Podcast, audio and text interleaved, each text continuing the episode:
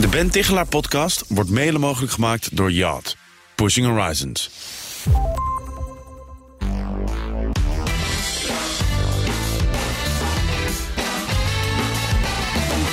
We werken zo'n 80.000 uur in ons leven. En die 80.000 uur, dat zijn ook nog eens de mooiste uren van ons leven. De uren waarin we fysiek en mentaal op ons best zijn.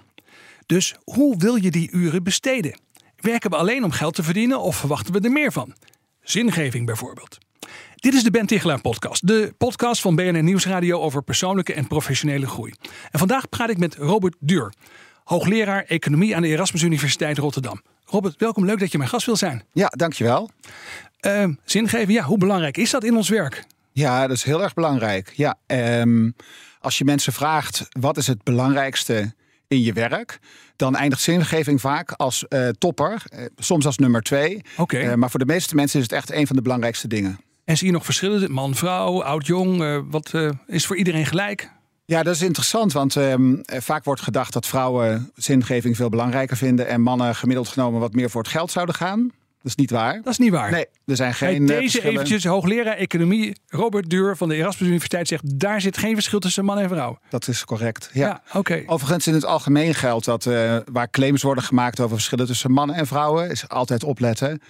Want uh, soms zijn er wel verschillen, maar over het algemeen zijn ze echt klein. Echt klein, ja. ja, ja. We lijken veel meer op elkaar, mannen en vrouwen, dan uit sommige studies lijkt te komen. Of waar aandacht aan wordt besteed. Ja. vroeger had je die boek, hè, Mannen komen van Mars en vrouwen van Venus. En dat vond iedereen natuurlijk ontzettend leuk om lekker op die verschillen te focussen. Maar zeggen, ja, eigenlijk kun je beter naar de overeenkomsten kijken. Ik denk het wel. Ja, ik denk echt dat het een beetje ja, te veel aandacht krijgt. Dat er verschillen tussen mannen en vrouwen zijn. Wat betreft leeftijd zien we trouwens wel grote verschillen. In beleving van zingeving? Ja, of het belang dat eraan gehecht Het belang wordt. dat eraan wordt gehecht, oké. Okay, ja. Ja, Dus naarmate mensen ouder worden, vinden ze zingeving steeds belangrijker. En uh, dat kan wel een uh, ja, volledige plaats op de ranglijst uitmaken gedurende okay. de carrière. Dus jongere mensen vinden zingeving minder belangrijk, minder belangrijk dan wat?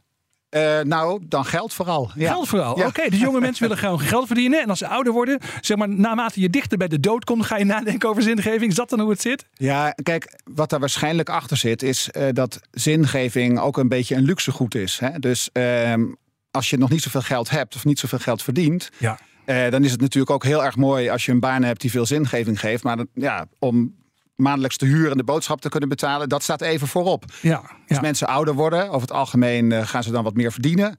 Uh, en dan komt op een gegeven moment het moment dat ze denken, nou, het, het is ook wel heel erg belangrijk wat ik dan in, in mijn werk doe. Want zoals je ook net even schetste, hè, de, hoeveel uren en de, ja, de meest productieve, energieke uren zeg maar, Ja. erop gaan aan betaald werk is natuurlijk heel erg groot. Dus dan kan het maar beter ook uh, ja, zinvol zijn. Ja, it better be good, zeggen ze dan Precies. in Amerika. Ja, precies. Hey, uh, jij hebt best veel onderzoek gedaan naar wat mensen zoeken in hun werk. Wat voor soort dingen hebben jullie precies onderzocht? Ja, dus nou, die zingeving en uh, het hoge salaris, dat zijn natuurlijk dingen die uh, uh, heel, be heel belangrijk zijn voor mensen. Dat is ook wat we in ons onderzoek terugvinden. Ja. Maar daarnaast gaat natuurlijk ook hè, dat baanzekerheid een belangrijk aspect is. Sociale contacten op de werkvloer worden door heel veel mensen ook heel belangrijk als heel belangrijk ervaren. Ja. Um, nou ja, de, de relatie met je leidinggevende, daar gaan we het straks misschien ook nog over hebben. Ja. Is ook een belangrijke. Zo zijn er een veelheid aan dingen. En als je mensen vraagt uh, voor elk van die aspecten, hoe belangrijk vind je het? Mhm. Dan krijg je meestal een beeld dat mensen alles belangrijk vinden. Ja, ja, oké. Okay, ja, ja. Ze zeggen niet zo snel dat iets onbelangrijk is. Um, en daarom, ja, als je mensen vraagt om een rangschikking te maken, van wat vind je nou, als je nou echt moet kiezen, wat vind je dan het belangrijkste? En wat komt er dan op twee en op drie? En dan krijg je een wat uh, gevarieerder beeld. Ja, en dan zie je dus onder meer dat jonge mensen eerst graag salaris willen, willen verdienen. En, en later, als ze wat later in hun carrière uh, komen, dan wordt zingeving dus belangrijker. Dan, dan, draait dat misschien wel om. Uh, waar is het onderzoek gedaan? Is het Europa? Is het de Verenigde Staten? Waar is dit onderzoek gedaan? Uh, dit onderzoek waar we het nu net zojuist over hadden, is ja? in uh, de Verenigde Staten gedaan. Oké. Okay. Uh, en ik zou het heel graag ook met Europese of Nederlandse data willen doen. Uh, maar helaas hebben we die niet. Uh, Ja. Wat je dan nodig hebt, is dat op vele momenten in de tijd uh, ja, dezelfde vragen zijn gesteld aan een representatieve groep mensen. Ja. En in dat onderzoek wat wij hebben gedaan met Amerikaanse data, ja, dat gaat terug tot begin jaren 70 of iets dergelijks. Dus echt, echt ver terug. En dan elke tien jaar of zo wordt er een representatieve groep bevraagd met dezelfde vragen over wat vind je belangrijk in je werk. Ja, en dan kun je dus ook dingen zien zoals dat Uh, als je de jongeren van nu vergelijkt met de jongeren van vroeger, ja. dat je eigenlijk maar weinig verschillen ziet. Oh, daar gaan we het zo even over hebben. De, over de hebben generatieverschillen. Want dat is echt zo'n onderwerp waar mensen allerlei dingen, allerlei ideeën bij hebben. Maar dat, oké, nou, dat is interessant. Uh, een kleine cliffhanger. En nog eventjes terug, hè, want uh, Amerikaanse data en verklaarbaar. Je zegt dat is een hele grote database en die wordt iedere keer weer opnieuw gevuld. Dus kun je mooi langdurig onderzoek doen. Um, je zegt ook, ik zou wel graag ook Nederlanders eigenlijk willen onderzoeken op dit gebied. Wat verwacht je dan dat er verschillen zouden zijn? Wat is nou typisch een verschil in die arbeidsmarkt en de beleving van werk tussen Amerikanen en Nederlands? Waarvoor jij, waardoor jij zegt van nou, dat zou ik leuk vinden om dat eens in Nederland te onderzoeken. Ja, kijk, een van de dingen die we in onze Amerikaanse data terugzien, is dat baanzekerheid door Amerikanen best wel laag wordt gerangschikt. Dus okay. dat lijken ze niet zo belangrijk te vinden. Daar verwacht ik voor Nederland en Europa in het algemeen uh, wel hogere scores op. Um, maar ja, tegelijkertijd heb ik ook niet zo heel veel reden om aan te nemen dat het beeld nou heel extreem anders zou zijn in, in Europa. Maar goed, ja, wie weet. Dat, uh, we, ja. hebben, we hebben de data niet, dus dat kunnen we niet echt zeggen. Uh, de reden dat ik het vraag is, ik krijg ook vaak de vraag als ik zelf een stuk schrijf of ergens les staat te geven, zeggen mensen, ja, er, zijn, er is wel veel Amerikaans onderzoek bij. Het komt altijd van Harvard of van Stanford of wat dan ook. Uh, hoe, wat zou jij daarop antwoorden dan? Ja, dat we dus meer moeten doen om goede data te verzamelen in ja. Europa en ook in Nederland. Overigens, uh, daar zijn we ook volop mee bezig. Een van de datasets waar ik zelf een groot fan van ben, dat is het LIS-panel van de Universiteit Tilburg. Ja. Ze hebben echt een, een serieuze poging gedaan om dat echt representatief te maken. Uh, dus daar vind je allerlei mensen in terug. Ook mensen die geneigd zijn om niet aan enquêtes mee te doen. Die zitten daar uh, ook in. Dus dat is heel, heel interessant. Ja, ja. En um, ja, ik denk dat dat heel belangrijk uh, is om allerlei redenen. ook bijvoorbeeld om ja, betere prognoses te doen van verkiezingsuitslagen bijvoorbeeld. Ja, of precies, ja, ja. beter te begrijpen of er sociale onrust is of groeiende is of niet. Waar mensen zich zorgen om maken. Nou, allerlei redenen. En dat, dat doen ze bij dat listpanel. Oké, okay, dus eigenlijk een pleidooi zeg maar, om ook echt meer goed, groot Nederlands onderzoek te doen. Nog eventjes terug naar uh, dat zinvol werk, dat zinvolle werk. Um, wat waren je eigen hypotheses? Wat had je nou verwacht op het gebied van zingeving en werk? Ja, ik had zelf niet verwacht dat het zo hoog zou uh, uh, eindigen. Dat uh, patroon met leeftijd had ik ook niet echt verwacht. Want ik ben natuurlijk zelf ook beïnvloed door wat ik allemaal in de media lees. En in de media lees je dan vaak van... oh, de nieuwe generatie die is zo bevlogen en zo, zo Ja, bijzonder. die zijn met zin, eh, zingeving bezig en de ouderen niet. En het was dus omgekeerd inderdaad. Ja, ja, Nou, precies. Ja, en eh, kijk, en dan later als je dan eh, bezig bent met je onderzoek, dan ga je ook nog wat meer verdiepen in wat anderen al eerder hebben eh, onderzocht. En dan ontstaat gewoon ja, een soort van nieuw, nieuw beeld, zeg maar. eh, Ja. Bij soms dan ja, stukjes op hun plaats vallen, zeg maar. Dat is altijd mooi. Kun je nog een verschil zien tussen beroepen? Ik kan me voorstellen dat mensen die zeg maar in het onderwijs werken of in de zorg, misschien ook een beetje een soort, soort eh, stereotypering van mijn kant, hè, maar die zijn echt met zingeving bezig, denk ik dan. Maar iemand die sales manager is in een bedrijf, nou ja, die is gewoon met geld bezig. Ja. Kun je dat zo stellig zeggen of is dat niet zo? Nou, dat is te stellig inderdaad. Maar die verschillen die zie je eh, wel. Dus eh, je ziet wel dat mensen die meer om zingeving geven... dat die met een grotere kans in banen in de publieke sector terechtkomen. Oké. En dan met name in banen onder je ook al een paar noemde. Hè, dus in het onderwijs, in de zorg. Het geldt ietsje minder voor uh, de ambtenarij. En het geldt ook iets minder voor uh, defensie. Uh, maar voor, voor onderwijs en gezondheidszorg, maatschappelijk werk zie je dat er vooral mensen naartoe gaan die zingeving heel hoog hebben staan. Uh, nou noemde je ook even sales. En daar kan je ook nog aan toevoegen uh, public relations, uh, finance managers. Nou, al dat type beroepen waarbij we Ja. niet direct denken aan zingeving en iets voor de maatschappij doen. Maar, dat is wel interessant, ook daar zie je dat er ook een groot deel van de mensen is die zegt, ik vind zingeving wel belangrijk en ik vind het ook in mijn baan terug. Oké. Je ziet het wel minder dan bij de docent en bij de verpleegkundige en de chirurg en de, en de, en de brandweerlieden. Daar is eigenlijk iedereen overtuigd van de zinvolheid van zijn of haar werk. Ja. En daar vindt ook uh, bijna iedereen het heel erg belangrijk. Maar ook bij uh, die beroepen die ik net even noemde, in de marketing en de finance, zie je toch dat een heel groot deel uh, zin, zingeving ook belangrijk vindt en ook ervaart in het werk. Ja, grappig. Dus het is ook wel deels dan denk ik een mentale constructie. Want wij kunnen van alles vinden natuurlijk over de vraag of public relations of, of of, of allemaal dat soort dingen. Of sales, of dat echt zo zinvol is. Maar uh, mensen maken dus hun eigen idee of vormen hun eigen idee over de zinvolheid van hun werk. Ja, maar dan geef je het misschien toch niet genoeg credits. Want okay. um, ja, als ik op feestjes ben, dan praat ik ook wel eens met sales managers en finance managers. En als je dan wat meer doorpraat uh, over van nou, wat voor zin zie je dan in je uh, baan? Nou, dan komt er meestal toch ook wel een zinnig antwoord. Dus, Oké, oké, okay, dat is wel grappig. Dus je gaat ook gewoon door met onderzoek als je op feestjes bent, haal ik hieruit. Enkele ja. keer, ja, aan het begin van Enkele de avond. Keer, ja. begin van de avond. um, zijn er ook beroepsgroepen die uh, die zingeving niet kunnen vinden? Dus zijn er ook mensen die zeg maar zingeving misschien wel belangrijk vinden, maar het gewoon niet zien in hun werk? Um, nou, wij hebben een lange lijst van beroepen bekeken. Ja. Ik geloof wel 100 of 150 beroepen. Ja, dan is er eigenlijk geen enkel beroep waar niemand zingeving ervaart. Oké. Okay. Maar je ziet dus wel een aantal beroepen waarbij die zingeving wat minder wordt ervaren. En dan hebben we het inderdaad over die beroepen die ik net ook al noemde. Dus in de, in de sales management, in ja. de finance manager. Uh, dan moet je echt wat harder zoeken om die zin te ervaren. Ja. Zijn er minder mensen die het als zinvol ervaren? Ja. ja. En heeft dat dan consequenties voor bijvoorbeeld hoe lang mensen in zo'n baan blijven? Nou, dat hangt ervan af uh, wat ze graag willen. Want niet iedereen wil zingeving. Okay. Dus, uh, wat wij vinden in onze data is dat voor driekwart van de mensen is het belangrijk. Oké. Okay. Uh, maar voor een kwart dus ook niet. En wat we ook in onze data zien is dat dat kwart wat zingeving niet zo belangrijk vindt, ook vaker te vinden is in die beroepen, in de sales, de PR, finance enzovoort. Dus je zou kunnen zeggen, die arbeidsmarkt die lijkt redelijk goed te werken. De mensen komen op hun plek, daar waar ze ja, uh, vinden wat ze graag zouden uh, willen hebben. Ja, moet zingeving, even gewoon een vraag tussendoor van, vanuit mijn persoonlijke interesse ook. Ik heb zelf een jaartje in de Verenigde Staten gewoond. En als je dan met Amerikanen praat over hun werk, dan vinden ze bijvoorbeeld ook belangrijk dat ze gewoon voor hun gezin kunnen zorgen. Providing for my family. Dat is ook een vorm van zingeving die wij niet zo op voetstuk hebben staan, denk ik wel eens in, in Nederland in ieder geval. Maar wat Amerikanen wel heel belangrijk vinden. Hoe zit het in de relatie tot dit onderzoek? Ja, dus hier is in dit onderzoek is wel een duidelijk onderscheid gemaakt door de manier van vraagstelling. Oké. Okay. Dus de vraag over de zingeving in je baan, die is echt wel zo gesteld dat het over de inhoud van het werk gaat en niet zozeer over geld. Oké. Okay. Bovendien, in ons onderzoek is het zo hè, dat uh, mensen moesten een rangschikking maken en het inkomen was een van de baanaspecten. Dus ja, zorgen voor je gezin, dat zit toch dicht aan bij dat ik een inkomen genereer hè, voor, ja. voor mijn gezin. Dus ik denk dat mensen dan eerder uh, met inkomen zouden uh, schuiven, met dat in uh, gedachten. Maar ja, meer in het algemeen, hè, dus waar mensen zingeving uithalen, dat kan wel sterk verschillen tussen mensen. Hè. Dus ja. sommige mensen denken vooral aan: ik wil in mijn baan iets doen dat goed is voor de maatschappij. Hè, dat ik echt een, een, impact heb op de maatschappij, dat de maatschappij beter wordt.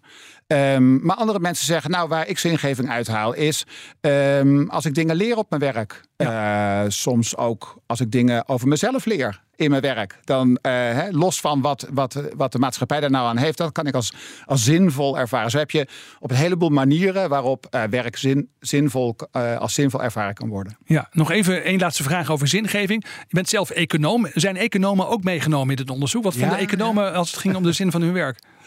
Ja, die kwamen er niet zo best uit. Oké, okay, wat leggen ze uit? Nou, en dat verbaasde mij inderdaad ook. Want um, ja, leg eens uit. De, dus de data die, zeggen daar niet, die vertellen daar niet een heel duidelijk uh, verhaal bij. Overigens, er waren niet, ook niet heel veel economen in de, in de dataset te vinden. Maar uh, we, hebben ze, we hebben dat natuurlijk wel gerapporteerd in onze studie. Ja. En um, ja, um, ik, ik, kan er niet zo makkelijk chocola van maken. Want ik vind dus zelf uh, onze wetenschapsoefening en de economie uh, heel uh, zinvol. En ook de meeste collega's die ik heb, heb ik ook het gevoel dat die daar zo over denken. Maar misschien zijn het economen die op een ouderwetse manier economie beoefenen. Vroeger, ja, vroeger was er nog wel eens wat te klagen. Ja, nu nog steeds natuurlijk. Maar vroeger met name over ja, hoe zeg maar, de economische wetenschap beoefend werd. Erg ja. gericht op theorie. Met een heel uh, smal mensbeeld. De, de homo economicus, de rationele mens. Maar weet je, dat hebben we toch echt wel 10 of 15 jaar geleden achter ons gelaten. We zijn tegenwoordig een moderne sociale wetenschap. Een moderne sociale wetenschap. Met zingeving. Nou, dat is toch fijn Met zingeving onder andere. Zo ja, is precies. Het, ja. Wat verwachten babyboomers van hun werk? En in hoeverre verschilt dat van de behoeften van de jongste generatie, Gen Z? Daarover praat ik zo meteen verder met Robert Duur. Maar eerst een boodschap van onze sponsor. Verschillende generaties hebben een andere definitie van succes en ambitie. Daarom zetten we bij Yacht persoonlijke ambities centraal. Laat je inspireren door onze whitepaper Succesvol persoonlijk leiderschap. Je vindt hem in onze show notes. We constateerden al dat meer mensen hun werk zinvol vinden dan je zou verwachten. En dat zinvol werk belangrijker wordt naarmate mensen ouder worden. Maar hoe zit het eigenlijk met de verschillen tussen generaties? Nou, uh, Robert, ja, die vraag moet ik je toch voorleggen. Want er zijn nogal wat artikelen verschenen, uh, ideeën gelanceerd in de afgelopen jaren. Dat de generaties enorm van elkaar verschillen wat betreft bijvoorbeeld wat ze zoeken in hun werk. En de vraag is: klopt dat? Ja, het klopt niet. Het klopt niet. Nee, het klopt niet. Nee. Kijk, die, uh, die onderzoeken die zijn eigenlijk allemaal gebaseerd op uh, één meetmoment in de tijd. He, dus bijvoorbeeld in 2022 uh, worden mensen van verschillende generaties ondervraagd. Ja, en dan zie je verschillen. Uh, maar is dat nou omdat ze van een verschillende generatie zijn? Of komt dat omdat ze een verschillende leeftijd hebben? Nou, ja. wat een serie onderzoeken in de tussentijd heeft laten zien, waaronder dat van ons is dat het toch vooral leeftijd is. Oké, okay, dus als de, zeg maar, de mensen die meelopen in klimaatmarsen, die nu vooral zingeving zoeken in hun werk bijvoorbeeld, nou ja, dat is ook niet eens waar. Maar goed, hè, een beetje dat stereotype beeld wat het dan van jonge mensen hebben. Uh, als die ouder worden, dan verandert dat dus gewoon weer wat ze belangrijk vinden in hun werk. Precies. En um, kijk, op, om op een goede manier te kijken naar de vraag, hè, verschillen generaties van elkaar. Ja, moet je appels met appels vergelijken en niet met peren. Hè? Dus dan moet je de jonge mensen van generatie X vergelijken met een andere generatie toen die mensen ook jong waren. Hè? Ja. Dan, dan, dan heb je een eerlijke vergelijking. Nou, en wat je dan ziet is dat jonge mensen door de geschiedenis heen eigenlijk veel meer op elkaar lijken dan in die grote claims uh, wordt. Uh, en wat bedoel je met door de geschiedenis? Ja, wat bedoel je met door de geschiedenis heen? Is dat echt lang geleden? Leek, lijk ik zeg maar um, als leek ik als laat ik zeggen 25-jarige uh, ook op mijn grootvader toen hij 25 was? Gaat dat zo ver? Of zit er wel iets van een verschuiving in? Ja, het liefst zouden we natuurlijk eeuwen terug kunnen kijken, maar dat is ja. helaas niet mogelijk. maar wat we wel kunnen doen, is in de rijkste onderzoeken kunnen we terugkijken tot de jaren 70. Oké. Okay. Dus toen de mensen die uh, ja, 50 jaar geleden jong waren en uh, in, intussen al uh, hoogbejaard. Ja, oké. Okay. Ik denk eventjes aan mijn eigen vader. Die is 79 jaar. Dus wat hij belangrijk vond toen als jongere, zij, precies. Ja, ja, is waarschijnlijk hetzelfde als wat ik belangrijk vond als jongere. En wat mijn kinderen weer belangrijk vonden als jongeren? Ja, nou is het wel zo, hè, en dat vertroebelt het beeld ook een beetje, dat wat mensen belangrijk vinden ook afhankelijk is van de economische omstandigheden. Oké. Okay. Ja, dus als de economie heel goed draait, dan gaan we eigenlijk allemaal zingeving belangrijker vinden in ons werk. Oké. Okay. En waarschijnlijk is dat ook omdat we het ons kunnen permitteren. He, er zijn veel banen, je kan het uitkiezen. Nou, dan he, ga je ook op andere dingen letten dan alleen geld. Ja. In economisch slechte tijden, en dat zie je eigenlijk elke recessie weer terug, uh, dan zie je dat mensen weer meer om geld gaan geven. En dat geldt met name voor de jonge mensen. En ook okay. dat is eigenlijk logisch, want dat zijn de mensen die nog geen baan hebben of nog geen vaste baan hebben. Die uh, hun scha schaapjes nog niet op het droge hebben. Dus, um, dus je ziet ook wel door de tijd uh, uh, veranderingen in wat mensen belangrijk vinden in hun werk. Maar om dat toe te schrijven aan, hey, dit is nou een hele nieuwe generatie waarbij alles anders is. Um, dat is niet het geval. Want die wisselingen, dat zie je ook de afgelopen 50 jaar door de tijd steeds terug. Ja, ja. ja. Wat, moet, wat moeten werkgevers en leidinggevenden met deze informatie? Als je dus nu hoort dat de verschillen dus eigenlijk vooral meer aan leeftijd dan aan generatie gebonden zijn. Wat ja, betekent dat? Nou, dat betekent uh, denk ik voor werkgevers dat ze moeten proberen om niet achter allerlei hypes aan te lopen. Oké, okay, ja, ja. dat horen we vaker in deze interviews. Ja. Ah, oké, okay, ja, ja, Want op zich, het klinkt natuurlijk heel aantrekkelijk. Hè? Zo van, oh jee, uh, we moeten voorbereid zijn op de nieuwe generatie die nu aankomt. En anders dan zijn we geen aantrekkelijke werkgever. Ja. Um, maar ik, ik zou dus niet zo heel erg achter hypes aanlopen. En, maar ik zou tegelijkertijd ook wel aandacht geven aan dit soort dingen. Hè? Dus van als werkgever me wel verdiepen in van nou, wat vinden mensen nou belangrijk in, in uh, werk. Uh, en ja, eigenlijk het feit dat dat helemaal niet zo vreselijk veel verschilt over die generaties heen, maakt dat des te belangrijker. Hè? Want als jij dus uh, weet wat mensen bezighouden, wat ze aantrekkelijk vinden in werk, dan is dat dus informatie die niet alleen nu voor deze generatie belangrijk is, maar dat, dat gaat dus veel langer mee. Hè? Dus, ja, dus ik ja. zou tegen werkgevers zou ik willen zeggen, verdiep je er wel in, maar probeer een beetje de hypes te vermijden en probeer kritisch te zijn. Hè? Dus er zijn ja. heel regelmatig zijn er uh, onderzoeken in het nieuws uh, met hele opmerkelijke uitkomsten. Uh, maar regelmatig is het zo dat de, dat de opmerkelijke uitkomsten eigenlijk gebaseerd zijn op iets wat niet echt representatief is, wat Ja. niet echt waar is. Het is meestal een klein selectief groepje uh, wat bijvoorbeeld ondervraagd is. Of uh, ja, er zijn allerlei. Dus uh, wees, wees kritisch ook in de consumptie van, van Ja, kennis. en dat is natuurlijk wat journalisten het leukste vinden. Want onderzoek wat laat zien dat van ja, er is geen verschillen of er zijn hele geringe verschillen. Ja, dat is natuurlijk ook niet zo interessant. Als ik je goed beluister, dan zeg je dus eigenlijk ook even weer terug naar wat moeten dan die werkgevers doen, wat moeten leidinggevenden doen. Je kunt beter leeftijdsbeleid hebben dan generatiebeleid. Helemaal eens. Ja. Ja. ja. ja. En, als je dat nog wat nader zou moeten invullen, wat, wat zou nou een verschil moeten zijn in hoe ik met jonge medewerkers omga en het verschil wat ik eh, in, in relatie tot wat ik met oudere medewerkers aanvang? Ja, dus ik zou hè, op basis van die gemiddelde die ik zie voor de hele economie, hè, zou ik dus geneigd zijn om te zeggen, nou, als je nu uh, de, de oudere mensen in je uh, werknemersbestand, daarvan zou ik echt pro proberen zeker te stellen dat ze de zingeving in hun baan vinden. Hè, dat, ja. ze, dat ze de zin zien, dat ze dat ze goed op een plek zijn. Dat ze, eh, want geld is voor hen minder belangrijk. Eh, bij jongeren geldt dat wat minder. Uh, en dus ja, een ander uh, advies, zou, zo, zo, je wil, zou kunnen zijn hè, dat als je dus financiële instrumenten wil gebruiken om mensen te motiveren, sommige werkgevers die, die doen dat. Ja. Nou, dan past dat waarschijnlijk beter bij een jonge, uh, jong werknemersbestand dan bij een, een oud werknemersbestand. Ja, ja, echt interessant en ook echt anders, toch anders en opvallend in dit geval.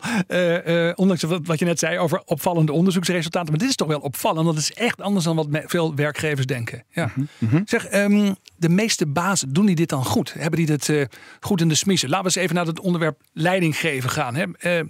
Wordt dit goed aangepakt? Ja, nou dat is dus ook wel heel interessant. Want als je gaat kijken naar wat mensen over hun leidinggevende zeggen, ja. dan zijn ze eigenlijk opmerkelijk positief. Uh, dus uh, ja, we, ik heb recent een, een, onderzoek gelezen van Andrew Oswald en collega's. En zij uh, hebben gekeken naar werknemers in Europa. Ja. een representatieve steekproef over alle industrieën, sectoren heen. En dan hebben ze die mensen, die zijn bevraagd op een aantal aspecten van in hoeverre vind je dat jouw leidinggevende respectvol omgaat met mensen? In hoeverre vind je dat jouw leidinggevende goede feedback geeft waar je wat mee kunt? Ja. In hoeverre vind je dat je leidinggevende um, erkenning geeft als, daar, uh, als dat gerecht wordt? Nou, al dat Belangrijke type, indicatoren allemaal, ja precies. Precies, ja. ja. Nou, en als je dan naar het gemiddelde kijkt, dan zie je dat uh, leidinggevenden in Europa, die krijgen een dikke zeven. Oké. Okay. Dicht tegen de misschien een, een 8 min uh, zelfs, uh, zou je kunnen zeggen. Dus dat is toch een uh, niet, niet zo slecht rapportcijfer, zou ik zeggen. Nee, zeker niet. Zeker niet ten opzichte van wat ik verwachtte. Want ik heb regelmatig ook me de schuldig aan gemaakt, zal ik me direct even eerlijk zeggen. Dat ik bijvoorbeeld onderzoeken van Gallup of van Hay Group, weet ik nog uit mijn hoofd, wel eens een keer heb geciteerd. Waar juist uit naar voren kwam dat leidinggevenden het in het algemeen heel slecht doen. Ja, ja. Ja, dus uh, ik vond het zelf ook opmerkelijk. En de auteurs van deze studie ook. Zo hebben ze hun okay. uh, studie ook een beetje uh, ja, opgeschreven, zeg maar. Hè, van dat het stereotype beeld is hè, dat leidinggevenden het slecht doen. Hè, dat veel mensen nou, bijna een hekel hebben aan hun baas. En heel Ja, veel ja. commentaar. Hè. Maar als je dus een representatieve steekproef neemt van de Europese bevolking. En je gaat gewoon vragen van hoe vind je dat je baas dit doet en dat en dat. Nou, dan scoren die leidinggevenden gemiddeld een, een dikke 7, dicht tegen een 8 uh, aan. Dat wil niet zeggen dat uh, niemand kritisch is. Dat wil het niet zeggen. Want er is ook een behoorlijke spreiding in de rapportcijfers Oké, die ja. gegeven worden. Maar in het algemeen komen we er dus goed uit als leidinggevende. En dat is denk ik voor de mensen die nu luisteren, die zelf leiding geven, wel een opsteker. Ja, zeker. Ja. Ja. Zeg, dankjewel Robert Duur. Heel fijn dat je je inzichten met ons wilde delen.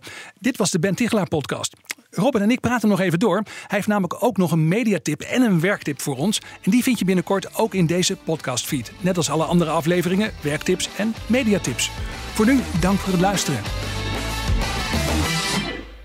De Ben Tichelaar podcast wordt mede mogelijk gemaakt door Yacht. Pushing Horizons.